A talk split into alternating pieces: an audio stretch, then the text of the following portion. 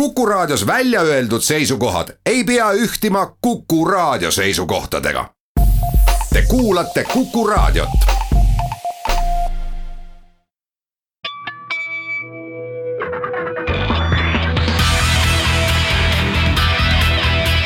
õigus ja õiglus. tere, sellel nädalal ehk siis lõppeval nädalal ja kui mälu ei peta, siis see oli kolmeteistkümnes august. ütles Postimehe intervjuus Marek Helm, praegu Nortali Pärsia lahe Araabia riikide ja Aafrika piirkonna juht, varem aga võiks öelda legendaarne Maksu- ja Tolliameti eh, peadirektor. et Eesti riiki võiks juhtida nii, nagu seda kusagil mujal pole seni tehtud. ja seda tahakski nüüd küsida, kas edukat ettevõtet saab juhtida demokraatlikult ja kas demokraatlikku riiki saaks juhtida edukalt ja kellelt siis veel, kui mitte Marek Helmilt, tere Marek. tere päevast. et nii nagu selles saates kombeks, et siis me katsume tavaliselt hakatuseks kas vaadata ajalukku ja selgitada mõisteid või kogunisti mõlemat. ja võib-olla alustaks juhtimise lahtirääkimisest, et ma ei küsi sinult mingit juhtimise management'i teoreetilist definitsiooni, vaid pigem seda, et kuidas sina üleüldse juhtimist mõistad. Jah, et minu karjäär on tegelikult ainult juhtimisega seotud olnudki, et äh, viimased poolteist aastat nüüd enne seda suurema vastutuse võtmist seal Araabias ma olin poolteist aastat ilma juhtimiseta, aga, aga tegelikult üle kahekümne aasta ma inimesi olen juhtinud kuidas ma mõistan, ma mõistan seda selliselt, et, et see on töötamine inimestega. et, et me leiame igasuguseid juhtimise versioone visiitkaartidelt, aga, aga minu jaoks on ikkagi juhtimine ainult ja ainult tööinimestega ja, ja, ja, ja inimeste töö korraldamine. Ja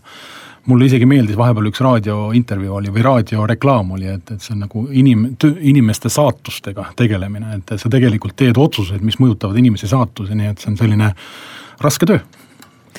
ja riigijuhtimises on tegelikult see mõju saatusele veel eriti suur ja et seda olen minagi päris sageli mõelnud, aga sinna veel jõuame, et, et või noh, teinekord tundub, et need inimesed, kellele on riigi või mõne olulise riigiasutuse juhtimise vastutus usaldatud, teinekord justkui ei taju.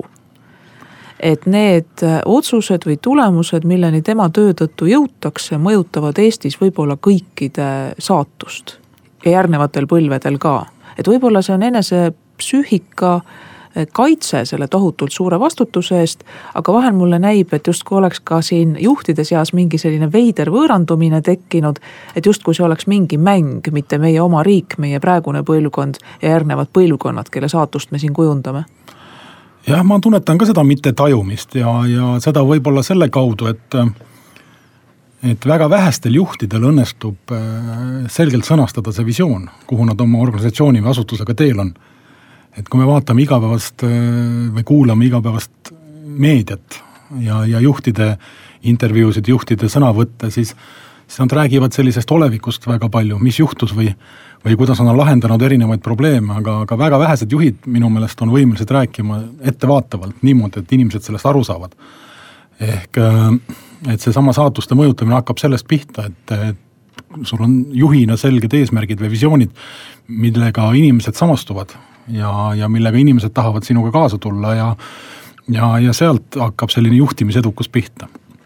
no nii, aga nüüd jõuamegi ühe riigi kui terviku, ühe riigiasutuse ja ühe ärilise ettevõtte, ühe äriühingu juhtimise juurde. et mis sinu arvates nende juhtimises vahet on? noh, olles ka ühe suure asutuse juht olnud ju äh, rohkem kui viis aastat, siis, äh, siis selline kogemus äh, olla avalikkuse ees vastutav ühe organisatsiooni eest, tema ülesannete ees on hindamatu, et, et, et tegelikult noh, sa oled oma nime ja näoga, oma inimestega ühiskonnas nähtav. sa võtad teatud ülesanded ja vastutuse, sõnastad eesmärgid, et tegelikult selline juhi roll, kes kes äh, noh, ütleme seda oskuslikult teeb, äh, selline juht äh, noh, ma arvan, et saavutab edu, et, et, et selline avalikus halduses või avaliku sektori asutuse juhtimine no ta, ta on tõesti minu meelest sellise suure resonantsiga, et, et, et kui ma Maksu- ja Tolliameti juhi kohalt äh, lahkusin, siis siis mul umbes pool, pool kuni aasta võttis aega sellest arusaamine, et sa tegelikult nii suures ulatuses enam ühiskonda ei mõjuta, et, et sa tegelikult äh, keskendud väga kitsale valdkonnale ja eks ma sellest tundsin puudust, aga see läks üle, see puuduse tundmine. aga kui sa võtad eesmärgid, siis äh noh, kaasajal mõistetakse seda selgesti ja ma arvan, et enamikus ettevõtetes on nii, et ettevõtja ainus eesmärk ei ole kasum, vaid äh, kasum loomulikult peab olema selleks, et äh, elus püsida ja mitte ainult äh, elus püsida, vaid et ennast ära tasuda ja edasi areneda ja konkurentsis olla. Vaid tihtipeale seatakse ka mingisugune laiem eesmärk ja mõeldakse seda tõsiselt. Et ole sa jäätmekäitluse juhataja või ole sa üks suur infotehnoloogia ettevõte, et sa ikka mõtled, et sa näiteks maailma keskkonnale või inimestele teed midagi kasulikku, et äh, seda ettevõtet ei ole tarvis ainult selleks, et selle ettevõtte omanikud saaksid rikkaks ja võib-olla mõned selle juhtivad töötajad palju palka, vaid et selle asja mõte on olla kasulik aga ma... ikkagi vist eesmärgid on kuidagi lihtsamini defineeritavad ju ettevõttes kui riigis. ettevõttes kindlasti eesmärgid on rohkem nagu finantsalased, et, et, äh, et noh, seesama kasumlikkus või, või kasumi saavutamine, see, see on selle ettevõtte eksisteerimise aluseks, aga see, mida see ettevõte teeb, sa väga õigesti mainisid, et, et ma näen oma meeskonnast praegu seal ka Araabias, et, et tegelikult seda meeskonda motiveerib see, et me teeme lahendusi, mis on riigile me arendame riike, me mm -hmm. arendame riiki, me, me teeme e-lahendusi erinevatele araabia riikidele ja, ja noh, ma sageli kuulen oma meeskonnalt, et, et see on motiveeriv see on palju motiveerivam, kui tehta, teha ühte väikest IT, väikest lahendust teisele ettevõttele, nii et, et see kindlasti alates erasektori ettevõtte juhist kui ka siis nende töötajateni välja, ma arvan, selline ühiskondliku noh, ka resonantsi või ühiskondliku nagu mõju saavutamine on mitte vähem oluline kui seesama kasum jah, ma olen päris sageli mõelnud, et kui võtame näiteks noh, mingisuguse mõttetu ülesande, et kaeva siia kraav ja siis aja seesama kraav kohe kinni mm. -hmm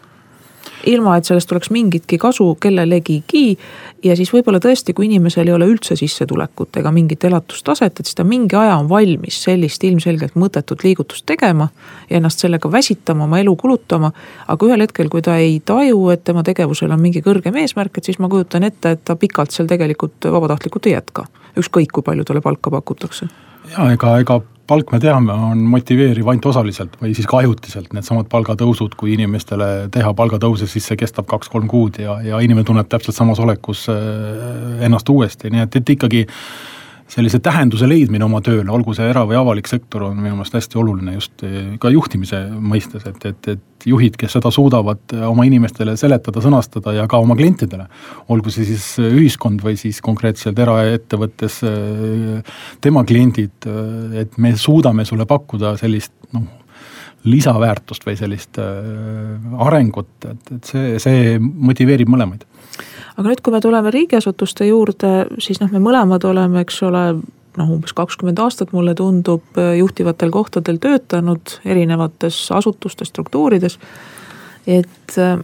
asutustes minu arvates ja minu kogemuse kohaselt on üksjagu neid, kes tõesti tunnevad, et neid on Eesti inimestele ja Eestile vaja selleks, et Eesti käsi käiks hästi. Nad kirglikult võitlevad mingisuguste muudatuste, probleemide lahendamise või uute arenduste eest ja noh, pühendavad selleks vajadusel ka õhtutunde ja noh, kulutavad ennast selleks, sest nad näevad, et see on, et see on tähtis. et isegi tasub vaielda, tasub riskida, tasub väga püüda, eh, tasub vahel kurvastada ja siis on ka, mille üle rõõmustada. aga paljudes kohtades paljud ja võib-olla mõnedes kohtades ka enamik kuidagi näeb seda ikkagi noh, täitsa tõsiselt, lihtsalt võimalusena teenida mingit palka ja et kõige parem on, kui asju saab menetleda ja neid ei pea lahendama no sellest viimasest sõnasabast kinni haarates minu meelest äh, me võiks oma peas selle klõpsu ära teha, et, et igasugune riigipoolne menetlus ei ole mitte tulemus. nagu me oleme igapäevaselt meedias kuulmas, vaid läbikukkumine. ehk tegelikult ma arvan, et, et jälle ma tulen eesmärkide juurde, et, et kui me teatame igapäevaselt, et maksuamet avastas seda või või politsei avastas äh, midagi muud või, või, või veel inspektsioonid, asutused räägivad oma niinimetatud töövõitudest ehk menetlustest, siis nad tegelikult ju teadvustavad sellist läbikukkumist või noh, nii-öelda ebaõnnestumist. ehk teisisõnu, menetlus ei ole eesmärk ja ma arvan, et see on minu meelest, kui ma ütlen, et et Eesti riik võiks äh, ennast korraldada niimoodi, nagu mitte ükski teine riik varem maailmas ei ole teinud, siis vot selline mõtteviis, et äh, igasugune kontrolli vajadus või menetlus on ebaõnnestumine ja, ja kogu see riigisüsteem võiks mõelda sellele, et kuidas seda võimalikult vähem tarvis läheks, kuidas leida teisi motivaatoreid, kuidas inimesi tuua sellesse mõtteviisi või maailma, et, et turvalisust ei taga mitte politsei, vaid inimene ise oma mm -hmm. käitumisega. ja seda, seda noh, ka igapäevaselt ka noh, nii-öelda meelde tuletab, et, et, et mitte luua sellist äh, ebaõiget ootust või, või illusiooni, et et riik teeb minu, sinu eest midagi, et, et see võiks olla selline mõttesuund äh, Eestil edasi, et Eesti on väike riik, ta tegelikult suudaks seda saavutada, et et nii oma asutusi nii-öelda ümber korraldada et ühesõnaga Maksu- ja Tolliameti näitel, mis on sinule, sinu minevikust lähedane, mina olen selle üle ka väga palju äh, mõelnud aastate vältel. et Maksu- ja Tolliameti tegevuse parim tulemus on see, et kõik maksavad oma maksud ilma suurema nurinata ära. ja ehk siis seda tulemust ei saa mõõta selles, et kui suur oli maksurikkumiste eest tehtud ettekirjutuste arv. absoluutselt, äh, nelisada ma võin nüüd numbrites eksida, aga nelisada kohtuasja ja kui me mõõdame, mõõdame aastas nende võiduprotsenti, oleme seda teinud äh, Äh, noh, viimased kümme või viisteist aastat, siis me tegelikult mõõdame läbikukkumist. ehk tegelikult igasugune kohtuasi on läbi, ebaõnnestumine. nii maksuameti jaoks kui, kui ettevõtja jaoks, et ja mitte, mitte õnnestumine, et me oleme kohtus võidukad. tegelikult tuleks analüüsida, miks meil on nelisada kohtuasja aastas või miks meil on nii palju vajadust noh, korraldada liiklusteedel või, või ükskõik millist äh, kontrolli, et neid algpõhjuseid ja juurpõhjuseid tuleks äh, noh, nagu analüüsida ja, ja selle pinnalt äh, ametiasutuste eesmärke ümber korraldada. noh, eks ta ideaalis olekski ju niimoodi, et kasvõi needsamad maksuseadused või siis kogu liikluskorraldus oleks niisugune, et ta noh, justkui kutsub ja ongi normaalne käituda õiguskuulekalt, et see ei ole ülemäärane koormus, et kõik saavad aru, et see ongi mõistlik ja õige. Mhm. ja tõesti, kui siis on need vähesed, kellel see asi ei tule välja, noh et eks siis nemad tuleb korrale kutsuda, et see ka on inimühiskonnas ilmselt paratamatu, aga uhkustada ei ole seal tõesti millegi üle. aga et ju siis see järeldus siit peaks olema see, et kui sellised kohtuasjad tekivad, siis järelikult ei ole see olukord ka ettevõtja jaoks küllalt selge. või siis ei ole suutnud ja noh, riigi juhtimiseni, mis on eriti keeruline, pole me veel jõudnud. et ju siis ei ole need riigi juhtivad jõudnud, suutnud selgeks teha, et et nende maksude tasumine ongi õiglane ja ei ole suutnud tekitada usaldust, et need maksud lähevad õigesse kohta ikkagi jah, et kas, kas maksuameti eesmärk peaks olema maksude suurem kogumine, ma arvan, et ei peaks. see on lihtsalt ülesanne kõige rohkem, ta ei saa olla eesmärk. Mm.. eesmärk on miski muu, et, et aidata luua selline keskkond, mis eristab Lätist, eristub Soomest, meie naabritest, kus ettevõtjad teavad, et siin on mugav äri teha. ja sealt saab asi ja, ja maksud, maksud laekuvad, maksud on tulemus, mitte eesmärk ja see on nii suur mõtteviisi muutus, et, et see võtab aega, et, et kui ma viimast Maksu- ja Tolliameti strateegiat selle meeskonnaga seal tegin, siis Toomas Tammsaar ütles hästi, et Marek, see on nagu DNA muutus. see võtab kümme aastat aega, et see mõttemuutus nagu reaalsesse ellu ära viia, et, et, et Maksuameti eesmärk ei saa olla parem maksude kogumine. vaid see on ülesanne ja Maksuameti eesmärk on luua keskkond, et, et, et ettevõtlusel oleks võimalikult hea kasvada mm. -hmm ja nüüd enne reklaamipausi jõuame algust teha küsimusega mõõtmisest et nüüd oleme ikka veel ettevõtte või siis ühe riigiasutuse tasandil ja noh, juhtimise juurde, ükskõik millise definitsiooni või teooria sa võtad, et noh, lisaks sellele, et seatakse eesmärgid ja et siis üritatakse eh, sinu käsutuses olevaid eh, töötajaid ja majanduslikke ressursse kasutada niiviisi, et neid eesmärke eh, täita. aga siis on ka planeerimine ja siis on mõõtmine ja nüüd reklaamipausi ajal jäägem kõik mõtlema selle üle, et kui suur ressursikulu planeerimiseks ja mõõtmiseks on õigustatud.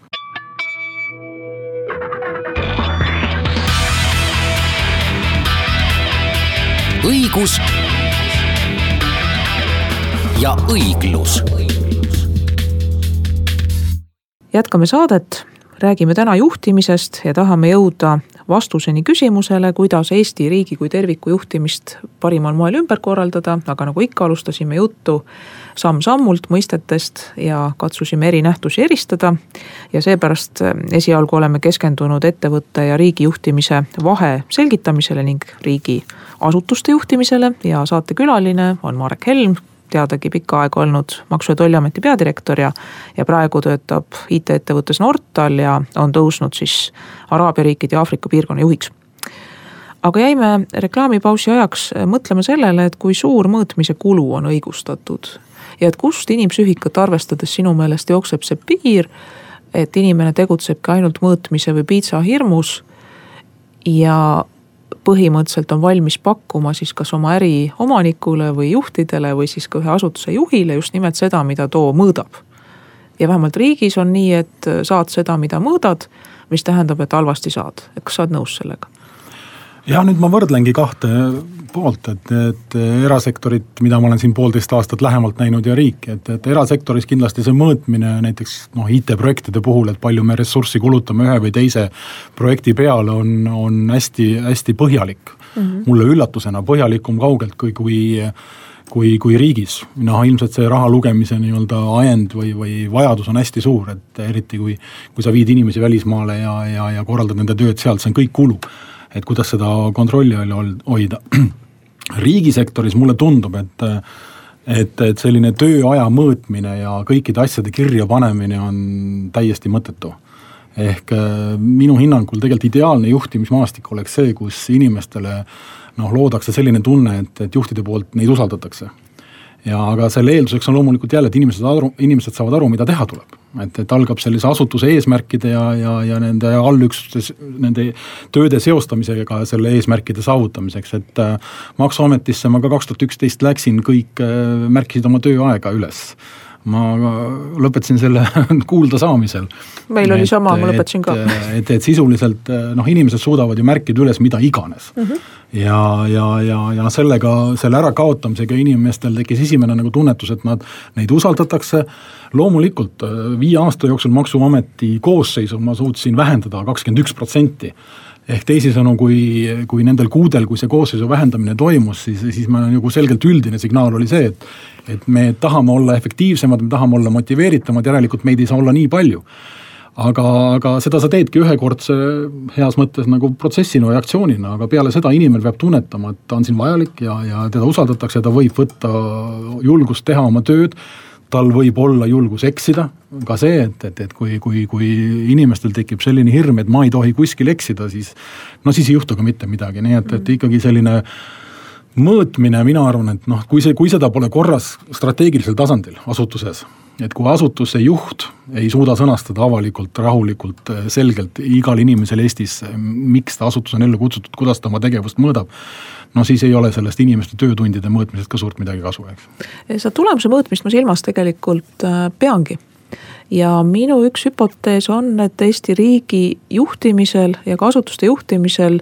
liialt suur hulk energiat ja tähelepanu ja tõenäoliselt ka rahalisi vahendeid ja töötunde äh, kulubki sellele, et planeerida, teha aruandlust Eh,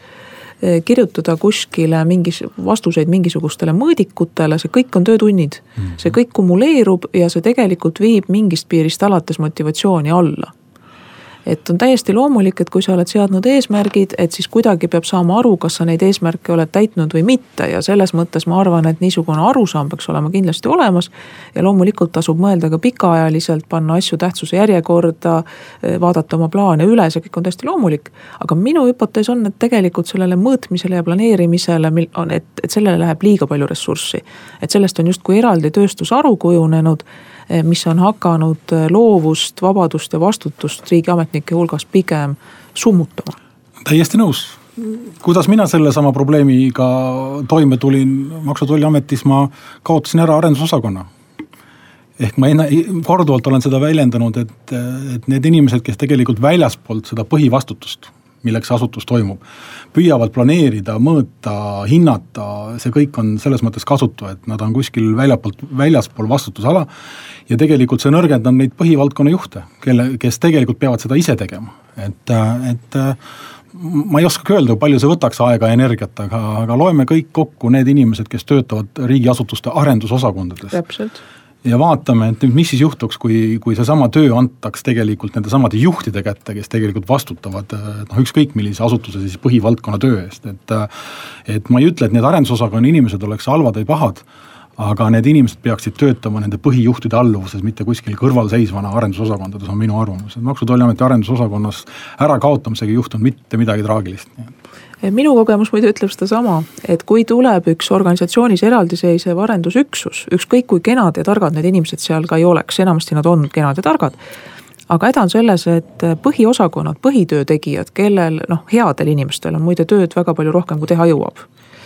et siis nendele tundub, et kogu see tohutu plaanide koostamine ja aruannete koostamine ja kange mõõtmine ja mõõdikud ja et kõik see käib nende arvelt. Et tule mees, parem pane õlg alla ja, ja aita konkreetselt asju ära lahendada, eks. ja et kui on tarvis organisatsiooni ümber korraldada, et siis sellisel juhul on targem teha, noh, mis minu kogemuse järgi toimib paremini, et võta sellised targemad ja energilisemad inimesed, anna neile tähtaeg, ütle eesmärk, aga mitte liiga konkreetselt ja tööle. lisaks veel, anna neile raha. anna küll. nendele keskastme juhtidele raha Mm -hmm. ehk teisisõnu, ei saa olla nii, et ma juhin inimesi ja need inimesed tajuvad seda, et, et tegelikult nende palkade üle, nende koosseisude üle seesama keskastme, nende vahetu juht ei otsusta. et veel kord, ma väga-väga soovitan, et et noh, kui juhtimise kvaliteeti organisatsioonis tõsta, siis peadirektor ja, ja, ja asetäitjad peaksid üsna kiiresti oma eelarve nagu alla jagama. mida, mida allapoole, seda parem, et, et mina nautisin olukorda, kus Narva tollipunkti juht, kus töötab sada inimest kokku koos Sillamäede ja muude asjadega, tal oli oma eelarve. ja niipea, kui ta sai selle oma eelarve kätte, ma nägin, kuidas raha tegelikult hakkas heas mõttes üle jääma mm. -hmm. ei pandud enam inimesi vahetustesse jaanipäeva ööseteks, kus keegi mitte midagi ei liikunud, aga ometi seadus ütleb, et siis saad maksta mingi koefitsiendiga tasu, et, et, et need asjad kõik kaudusid automaatselt, sest inimesel tekkis oma rahatunnetus, noh küll riigi raha, aga oma juhtimise, oma üksuse rahatunnetus, mis on tema oma. Kuni haigekassa kuludeni välja, et, et needsamad üksused, kes, kelle, kelle oma eelarved ma lõin, kõik inimesed, kes olid haiged, noh siis haigekassa maksab nende päevade eest, see raha mis jäi nende eelarvetes kasutamata, jäi nende enda kätte. noh, selle, selle ülesandega tee silmad lahti, kui su kolleeg on nädal-kaks ära su kõrvalt, siis see, kes teeb topelttööd või, või teatud koormusega tööd, siis maksa talle, et, et selline noh, nagu juhile nende tingimuste loomine just keskastmel või vahetu juhi, juhi tasandil on hästi oluline, et hakkaks efektiivsus asutusest välja tulema ja kui nüüd läheme riigi tasandile, siis mulle tundub, et need probleemid, mis on asutuste tasandil, on riigis niisama tõsised või isegi veel tõsisemad, et ehk siis äh, kange pingutus planeerimisele ja mõõtmisele. ka kesksel tasandil, aga samal ajal sina ja paljud teised ütlevad, et, et mingit eesmärki, millesse mõjuv osa Eesti rahvast või eesmärke tõsiselt usuks mis oleks noh, pisut konkreetsem kui põhiseaduses toodu, noh, mis on absoluutselt mõistlik, et, et siin peab olema rahu ja eesti rahvus ja kultuur ja keel peaks kestma ja. ja et heaolu peaks olema ja, ja noh, ka põhimõtted, kuidas me selleni jõuame, eks ole, et võrd, võrdsed õigused ja, ja nii edasi, õigusriiklus et see kõik on selge, aga et vaja oleks mingisuguseid noh, konkreetsemaid eesmärke nende sees millesse uskuda ja mille nimel pingutada. et neid ei ole ja ma ei tea, kas, kas neid saakski olla, kas sinu meelest saaks olla? No mina ikka usun, ma siin kevadel ka avalikus ruumis korra äh, mainisin, et, et, et teeks nagu ministeeriumitel vahet, et äh, et äh, niikaua, kui kõik ministeeriumid võitlevad ja konkureerivad eelarvede eest ja, ja peavad neid eesmärke võrdselt tähtsaks või noh, ütleme siis iga ministeeriumi vaatest ainutähtsaks mm. -hmm siis, siis ei hakkagi midagi muutuma, et, et, et selle mõte, mis ma kevadel välja tuli, tõin ka, et, et kui me ütleme, et haridus on kõige alus või siis, või siis noh, kasvõi kultuur, mis põhiseadusest tuleb, või siis noh, mis veel, majandus. loodus. no näiteks, et need, need selles mõttes, et need on nagu peamised valdkonnad, millesse me panustame ja kõik teised aitavad. ma olen selle näite toonud, et me oleme harjunud mõtlema, et rahandusministeerium on tuluministeerium, eks. minu meelest on see nagu aeg ümber saanud, kus me nii mõtleme, et rahandusministeerium on kuluministeerium, kes selle maksuraha laiali jagab majandusministeerium on tuluministeerium koos ettevõtjatega, noh, kes teenivad riigile raha, et, et, et äh, jälle mõtlen, et kui riiki saaks niimoodi häälestada, et,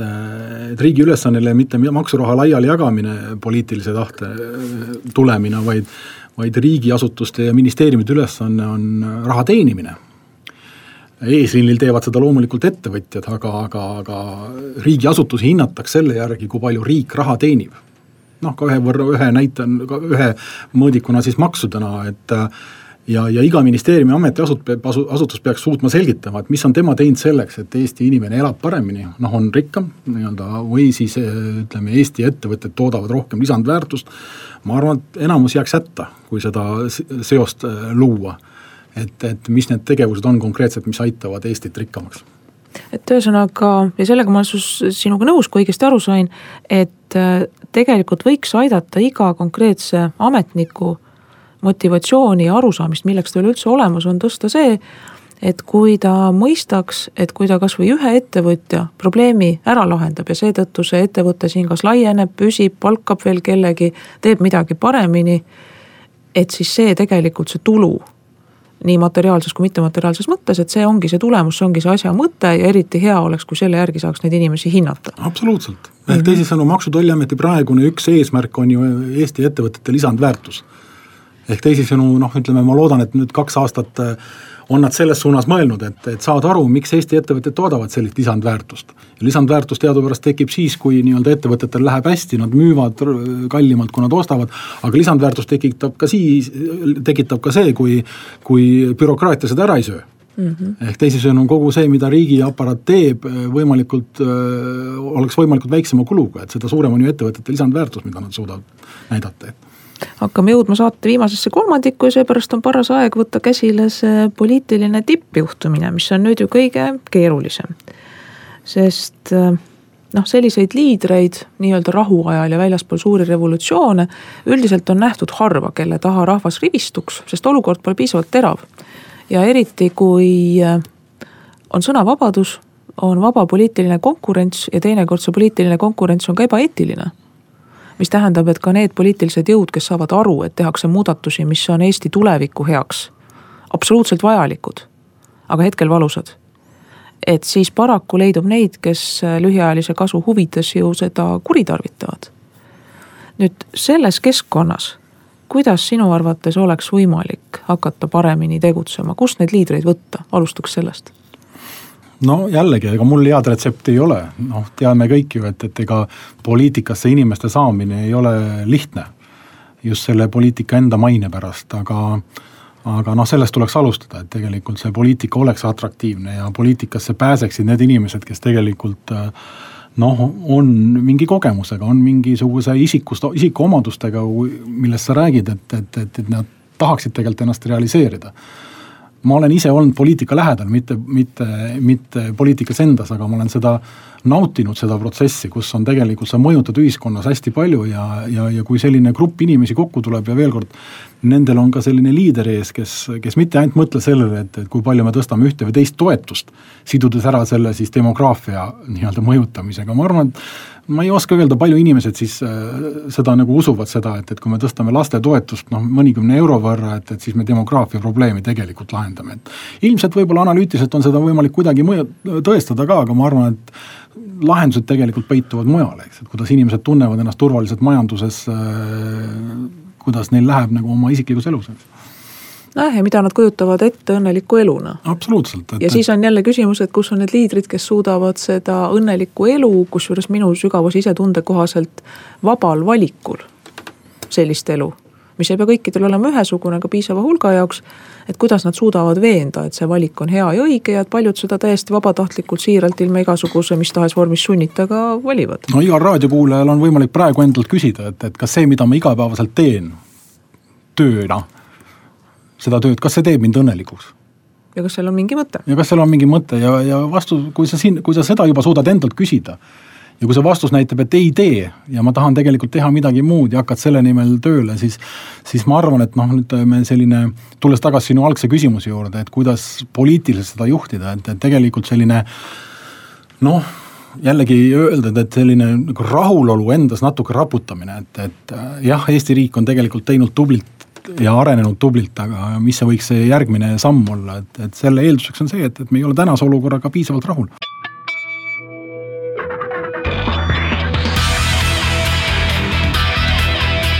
Õigus ja õiglus jätkame saadet ja arutame täna, kas demokraatlikku riiki on võimalik edukalt juhtida ja tegelikult juhtimisküsimusi laiemalt, Marek Helm ja Ülle Madise. ja oleme jõudnud riigi tippjuhtimise küsimuste juurde. Ja mulle tundub, et seal on asi kõige keerulisem just selles mõttes, et äh, paratamatult rahva seas on inimesed, kelle isiklikud eesmärgid ja tõekspidamised on erinevad, isegi vastandlikud, et ega siis kuskilt mujalt ei tule need inimesed, kes arvavad, et äh, vaja oleks ühiskonnas vähendada ebavõrdsust ja seda siis riigi toel, ümberjagamise teel. siis on teised, noh tavaliselt siis kuskil tsentris, kes leiavad, et, et mõningane ebavõrdsus on, eks ole, paratamatu ja et see viib isegi ühiskonda edasi, et aga, aga samas tuleks kõikidele luua võrdsed võimalused. et näiteks kasvõi hariduses, ma ise ka toetan seda väga tugevalt, et just hariduses peaks olema sõltumata elukohast ja vanematest võimalus saavutada omaenda maksimum. ja et siin peaks ühiskond panema õla alla ja siis on kindlasti igas ühiskonnas Eestis ka olemas äh, siis need, kes ütlevad, et tegelikult kõige paremaid tulemusi annaks tulevikus see, et. et igaüks teeb äri ja kujundab oma elu täpselt nii, nagu tema tahab ja see sotsiaalne turvavõrk on pigem suhteliselt hõre. ja, ja seda ei ole vist üheski riigis suudetud tegelikult paika kaaluda, et mis siis see kõige õigem tee on, et, et selge on absoluutsed äärmused ühiskonnast suure enamuse viivad hätta. et niisiis tohutu ümberjagamine ja piiramine, see on ikka alati lõppenud verevalamise ja, ja äärmise vaesusega ja teises otsas siis see äärmine niisugune riigi sekkumise ja solidaarse toe puudumine tegelikult äh, niisamuti sellega, et ikkagi hakkavadki haigused levima ja vaesus pärandub ja. ja kokkuvõttes see ühiskond hakkab, äh, hakkab murenema, nii et. et noh, praktikas ka Eesti jaoks ilmselt äh, valikuid on erinevaid, aga nad on seal kuskil noh, telje niisuguses keskmise kolme viiendiku peal. aga isegi seal tegelikult on väga raske kokku leppida, et mis see õige suund siis on ja isegi kui see kokku leppida, et siis edasi tekib küsimus, et, et kuidas sinnani jõuda, et millised maksud on õiged ja millised piirangud on õiged, sest noh, see ei ole võimalik, et kõik säilitavad oma kõik õigused, vabadused. ja siis samal ajal kõikidel läheb veel ka paremaks. nii et see, see sihiseade küsimus on minu meelest juba üks niisuguseid esimesi küsimusi, mis tegelikult sellesama riigivalitsemise ja poliitilise eestvedamise muudab erakordselt keeruliseks, et kuidas see õnnekujutelm rahvale maha müüa no minu soovitus ja nii-öelda ma olen mõelnud niimoodi, et tegelikult äh, riigi nagu poliitilised juhid ei peaks võtma endale seda rolli ja ülesannet, et nad peavad kõiki nende poolt sõnastatud visioone suutma pulkadeni lahti selgitada Mm -hmm. et tegelikult ükski inimene ei ju valda erinevaid poliitikaid, erinevaid eluvaldkondi niimoodi, et nad suudavad veenvalt seda teha. et riigijuhtide ülesanne on ikkagi seesama visiooni sõnastamine, sellest kinni olemine ja seda seal arusaadavalt siis selgitame, et kus me, kus me hetkel oleme sellel visiooni poole liikumisel, aga aga juhtimises on ikkagi see, et, et lase rääkida spetsialistidel, lase mõelda spetsialistidel ja, ja kui spetsialistid saavad selle tunde, et neid usaldatakse selle visiooni sisustamisel, siis hakkavad asjad minema, ma arvan, et see on üks niisugune arenguvõimalus, et, et me me vahel kuuleme, et poliitikud tahavad noh, nii-öelda ikkagi minna väga detailidesse, hakata selgitama üht või teist, eriti siis, kui midagi hästi on tehtud, et tegelikult äh, lase hästi tege-, hästi, hästi välja tulnud asju seletada ka nendel spetsialistidel, kes on tegelikult selle ise loonud, et, et, et jällegi juhtimise teema, et las tippjuht tegeleb tippjuhtimisega ja spetsialistid jäävad spetsialistide tasandile. et kui nüüd läheks natukene konkreetsemaks, siis äh, noh, näiteks kui loosungiks on kord ja traditsiooni kaitse noh, Eestis on see ka küllaltki palju pead tõstmas ja vaadatakse ka näiteks Poola poole kus tundub, et suur osa rahvast on sellise traditsioonilise patriotistliku visiooni taha õnnestunudki koondada. Et jah, populistlikud poliitikud, samas nad on tabanud noh, Košinskid, eks ole, öeldakse, nad on väga ideoloogilised. et nad ei ole isikliku võimu ega raha peal väljas olnud ega alles jäänud kaksikvend siis ka ei ole, ta ise formaalselt ei juhi, juhivad teised inimesed, aga tema juhtnööride kohaselt. ja ongi selline kõikehõlmav ideoloogia ja vot nüüd ei teagi, et kas Poolal läheb majanduslikult hästi sellest ideoloogiast hoolimata, mis tegelikult pärsib pigem vabadust. või just selle tõttu. Aga noh, hetkel ei seal ega ka Ungaris näiteks ei nähta, et see asi muutuks. ja vot siit on minu jaoks suur küsimus, et kas see noh, niisuguse mõistliku ja samal ajal indiviidi vabadust hindava ja seeläbi tegelikult ilmselt majandusedu soodustava niisuguse visiooni loomine on tänapäeval üleüldse võimalik no mina usun selle indiviidi vabadusse, just seesama infoühiskonna ja, ja, ja selle noh, nii-öelda võimaluste, kaasaegsete tehnoloogiate võimaluste ärakasutamisega, et tegelikult noh, siin on need arutelud ka ühiskonnas olnud, et mida inimene saaks ise teha. ehk, ehk mitte nii-öelda toetuda sellele kõva käele Äh, ja loota ainult riigile, vaid tegelikult noh, need uued põlvkonnad oskavad toime tulla nende olukordadega palju rohkem kui need, kes neid täna juhivad, et et see, et ka üks mõte, et et sellised noh, noore generatsiooni mõtteviis ja maa, maailmatunnetus, kui ta tuleks rohkem poliitikasse, siis ma arvan, et seda, seda ühiskond suudaks ka nagu noh, nii-öelda nautida, et et äh, inimene peab teadma, mida ta saab oma tervisekäituse, käitumisele teha ja tal peab olema vastavalt motivatsiooni seda teha, et, et seesama on kurikuulus, mis kurikuulus, heas mõttes maksunäide, et, et, et noh, kuidas on, leidke veel riik, kes kes kolmandik oma elanikkonnast deklareerib oma tulud ära esimesel päeval, esimesel päeval ja, ja maksuamet peab noh, niisugult varjama, millal need keskkonnad lahti tehakse, sest äh, pühapäeva ööse igal täistunni, iga tunniga deklareerib viisteist tuhat inimest oma tulusid, noh sellist riiki ei ole olemas, see on ainult Eesti riik. kes on sellise olukorra saavutanud, et inimesed oma tulusid deklareerivad, aga seal taga on motivatsioon seal taga on motivatsioon midagi saada tagasi, riik hindab seda ja, ja selliseid motivatsioonimehhanisme mm -hmm. kõva käe poliitika asemele tuleks palju rohkem luua, et, et noh, nii-öelda turvalisus, et, et, et mida inimene saab ise teha selleks. ja kuidas riik siis seda tegelikult märkab, tervises ma arvan, see motivatsioonimehhanism pole veel tegelikult ju kuskile üldse jõudnudki, et, et, et meil on solidaarne tervisesüsteem, see tähendab, inimene mõtleb, ma saan igal juhul abi ma saan igal juhul abi, eks ju. aga, aga, aga kui me vaatame spordiäri ja tarvete äri, kui paljud inimesed teevad sporti, kas neil on sellest tulenevalt mingi eelis või, või, või võiks olla ju? võiks olla, et kui inimene noh, tegeleb oma tervisega, siis tal, ta võiks olla riigi poolt märgatud ja ja, ja kas siis maksude kaudu või mis iganes et no mõnedes riikides, isegi muide Saksamaal, mis tegelikult vaatamata sellele, et seal on pikka aega olnud, eks ole, konservatiivid nime poolest Äh, liidrirollis, et siis tegelikult ta on väga sotsiaaldemokraatlik, aga siis ka seal näiteks tervisekindlustusseltsid tõepoolest äh, pakuvad paremaid tingimusi nendele, kes, kes suudavad tõestada, et nad oma tervisest sel või teisel viisil hoolivad ja, ja siis äh, noh, teevad kõik need asjad ära, mida neile siis perearst on põhimõtteliselt öelnud. aga vaat kus ma selle oma jutuga, mis on pisut siiruviiruline, sihin, on see, et kui ühelt poolt teatakse, et see majanduslik heaolu turvatunne, see õnnetunne, identiteet, et see on oluline. ja, ja ka võib-olla tajutakse kuskil ratsionaalselt, et selle jaoks, et see oleks, et see areneks, tuleb äh, mõista ka seda, et inimühiskonnas on paratamatu. et on neid, kes mõnikord mõnda normi rikuvad, kes võib-olla kõigega ei saa kõige paremini hakkama. et kas seda tuleb kuidagimoodi noh, mõistlikult taluda et sellepärast, et on mõned inimesed, kes ei saa hakkama, ei tohi kõikidele seada ette ühtesid ja samu relsse, mida mööda tuleb sõita. ja et aga ometi see surve ühiskonnas, et võimalusel kõike ära keelata, kõike korrastada, kõike reglementeerida, et see on tohutu et sõnades öeldakse, et me ei tee seda, kõik saavad aru, et see on ettevõtjale koormus, see on igale indiviidile koormus, et see pärsib loovust, et see pärsib uusi ettevõtmisi. et see pärsib inimeste arengut aga ometi kõige väiksemast asjast, kasvõi korrakaitseseadusest, mis annaks natukenegi kuskil vabadust, sai kohutava meediapaanika tagajärjel siis seadus koostöös karistusseadustikuga, mis on sisuliselt kõik teinud karistatavaks ja keelatuks, mis võib vähegi kedagi häirida. et me tegelikult ei teagi, kui kitsas korsetis me elame, et kui kellelgi pähe tuleb karistada, on see võimalik. ja vaata selles ühiskonnas noh, mina kardan sellist ühiskonda nii sellepärast, et riigivõim kipub korrumpeeruma, seda võidakse kuritarvitada. aga ma kardan ka sellepärast, et tegelikult selliseid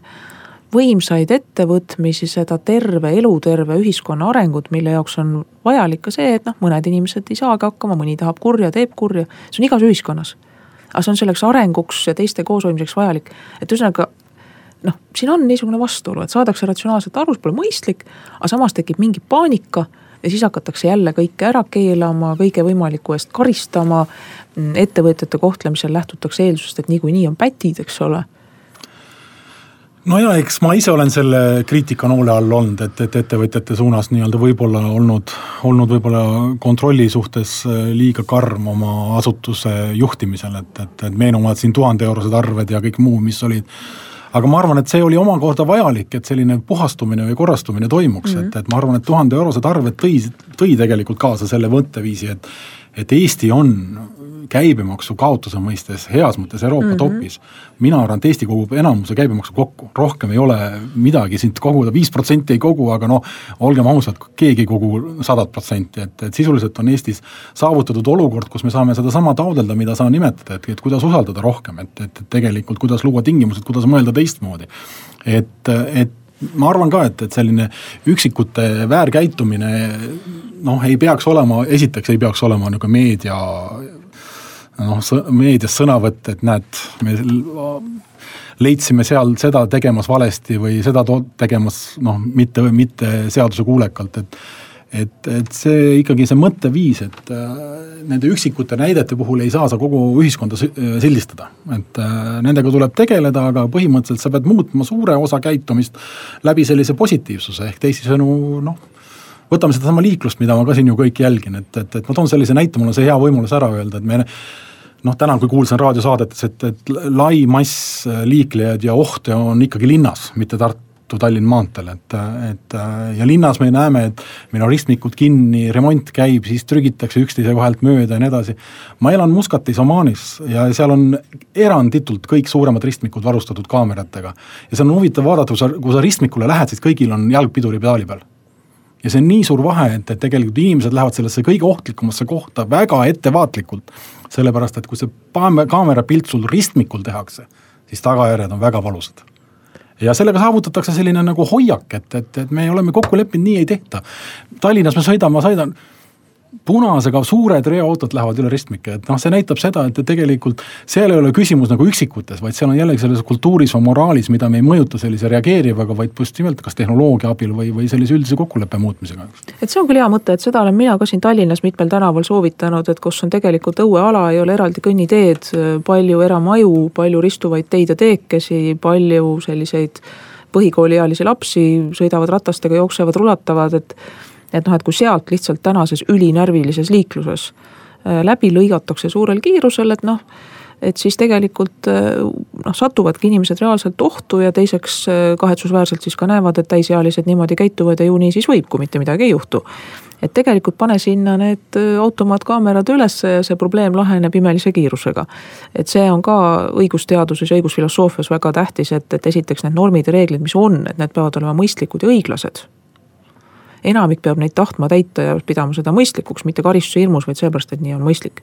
või siis, kui ja... Stockmanni ristist võtab sul sama kaua aega kui Kosele äh, linnaserva liikumine, siis loomulikult inimene läheb juba närviliselt äh, ja. sinna liiklusesse, et tegelikult see probleem ei ole mitte järelevalves äh, kahe linna vahel, vaid Stockmanni risti ja, ja, ja linna piiri vahel. just, ja et, et mõistlikke reegleid tulebki täita kui on üksikuid, kes rikuvad, et eks siis neid tuleb karistada, aga mitte kõiki igaks juhuks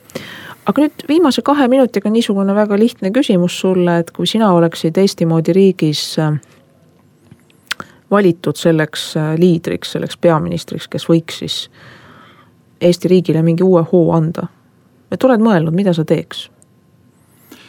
Väga raske vastata, tegelikult ei ole, minu selline mõtlemistase ulatub täpselt selline, et ma tahaks kuidagi eristuda. kui mina oleksin peaminister, siis ma tegelikult paneksin kokku sellise meeskonna, kes kes töötab selle nimel, et me eristuks äh, uuesti äh, teistest riikidest, et Eestit tuntaks millegi poolest, on see riigi valitsemine, on see majanduskeskkond, äh, mis tegelikult kõnetab maailmas. Ehk tänapäeval on hästi oluline, et sind ju teatakse, me mm. oleme kõikide riikide kont-, konkurentsis ja, ja, ja siinsamas regioonis. Noh, me küsime, et millega me siis täna eristume, seda me peaksime endast, endas äh, küsima, et, et inimesed tahaksid siia tulla. ma nädalavahetusel kuulasin Arvamusfestivali ja nii edasi, et meelitame inimesi tagasi, millega, eks, millega me meelitame inimesi või millega me äh, korralikult juhime rännet, et, et tegelikult peaministri ülesanne on see, see eristumise visioon sõnastada äh, koos oma meeskonnaga ja lasta siis spetsialistile seda sisu, nii-öelda sisustada, et, et milles see võiks siis seisneda maailma vaadates näiteks rohkem vabadust ja palju puhast loodust oleks ju väga hea visioon. Sest enamuses riikides kiputakse isiklikku vabadust igal viisil kinni keerama ja reglementeerima, et Eesti võiks olla siin inimeste usaldamises tegelikult esirinnas, selmet et üritada riigi jõuga kõikide kodus ja toidulaia laual ringi sehkendada. ma olen pea kaks aastat olnud Araabias ja noh, muidugi Araabia loodus on ilus, aga no ma vaatan seda siin Eestisse tulles, no milline ilus riik noh, lihtsalt see eriti kevadel ja suvel, et, et noh, jällegi mõtleme, et, et kuidas enda kasuks pöörata heas mõttes, et, et kuidas me saame neid inimesi siia, kes, kes aitavad meil mitte ainult Tallinnas, vaid väljaspool Tallinnast teenindus, teenindusasutustel ja ettevõtetel elada. Saigi üks võimalik visioon paika, Marek Helm, suur aitäh äh, saatesse tulemast, aitäh kuulajatele ja uus saade uuel nädalal.